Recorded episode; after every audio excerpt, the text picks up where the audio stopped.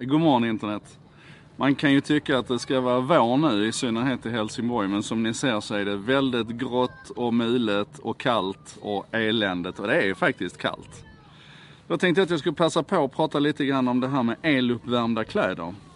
Och det är ju inte nytt på något enda sätt, men det är någonting som händer när man för första gången får på sig en, en, en jacka som är eluppvärmd. Um, den som jag har på mig nu den heter eh, Ravian, det är ett Kickstarter-projekt. Det är den, den tunnaste och smidigaste och mest, alltså den ser bylsig ut nu men det är, det är bara för den är alldeles nyuppackad egentligen.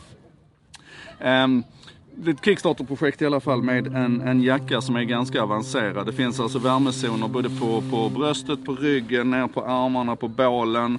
Speciellt i fickorna eh, och om jag kopplar in de eh, speciella handskarna så stängs värmen i fickorna av istället. Det finns en, en huva som också är eluppvärmd så att jag kan styra det här speciellt i, i olika zoner och sådär. Och, och hela kontrollen, man ser jag har bara en t-shirt under. Hela kontrollen sker alltså med den här och just nu så står den då på fullt på bålen, eller förlåt på det minsta på bålen. Nu står den på fullt på bålen, mittemellan på bålen och eh, det lägsta läget på bålen. Och jag kan säga det räcker gott och väl. Där kan jag styra eh, speciellt huvan och där styr jag speciellt handskarna. Och det här är, alltså, igen då. Det här är inte, det är inte nytt. Det är inte unikt på något enda sätt. Men första gången jag fick på mig den här jackan nu så började jag fundera på hur, eh, hur det här skulle kunna förändra förutsättningarna för väldigt många. Inte minst de som har någon form av funktionsnedsättning, till exempel svärmorfar som har lite svårt att röra sig när han ska ut och köra på sin sån här eldrivna lilla, lilla moppe. Eh, så sitter han ju väldigt stilla och är utsatt för kyla och vind och det är inte alls bra för, för, för den sidan av kroppen som, som är förlamad på honom. Eh, eller för den som är ute och jobbar och står mycket stilla. För vi måste komma ihåg att all traditionell så eh, värmeisolering, alla traditionella kläder som ska hålla dig varma, de bygger egentligen på att det är din kroppsvärme inifrån som värmer upp dem.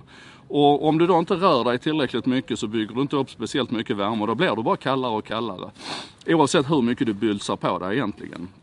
Och det där är också en faktor att man kan göra de här kläderna mycket, mycket mindre.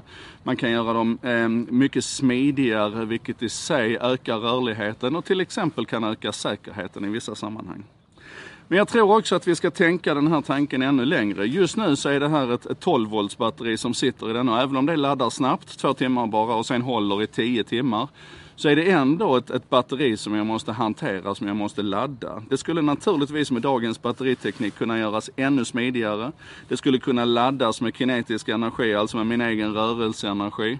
Det skulle kunna laddas med solenergi, det skulle kunna, ja ni, ni är med, det skulle kunna liksom vi skulle kunna göra det här mycket, mycket smidigare. Och då blir ju nästa tanke så här, varför ska vi ha ett, ett, ett inomhusklimat som, som passar alla, där vi i ganska hög utsträckning eldar för kråkorna för att få upp våra 19, 20, 21 grader i stora rum när vi vistas i en liten del av det här rummet.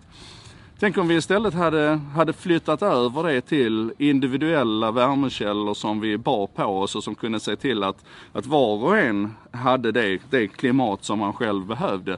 Utan att vi behöver bulsa på oss med stora ullar och koftor och gå omkring med stora tjocka handskar inomhus och så vidare.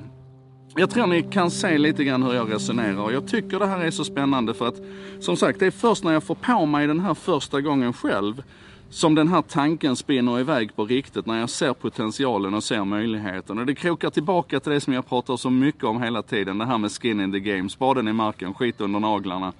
Att vi måste testa och experimentera och känna på de här grejerna mer. Och sen startar vi hjärnan och så börjar vi leta möjligheter. Vi tänker inte utmaningar runt att ja men det här batteriet är ju klunket och, och, och det, det, känns fortfarande som om det värmer lite ojämnt och sådär. Tänk bort det och bara fundera på potentialen istället. Det är då vi spänner tanken.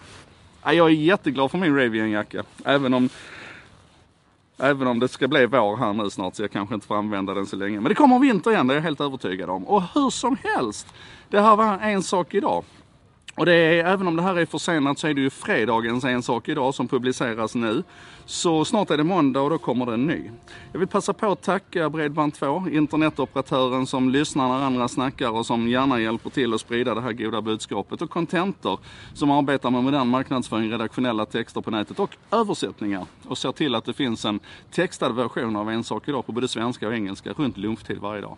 Fantastiskt kul! Nu ska jag gå en runda och mysa i min jacka och så ses vi igen på måndag morgon. Hej!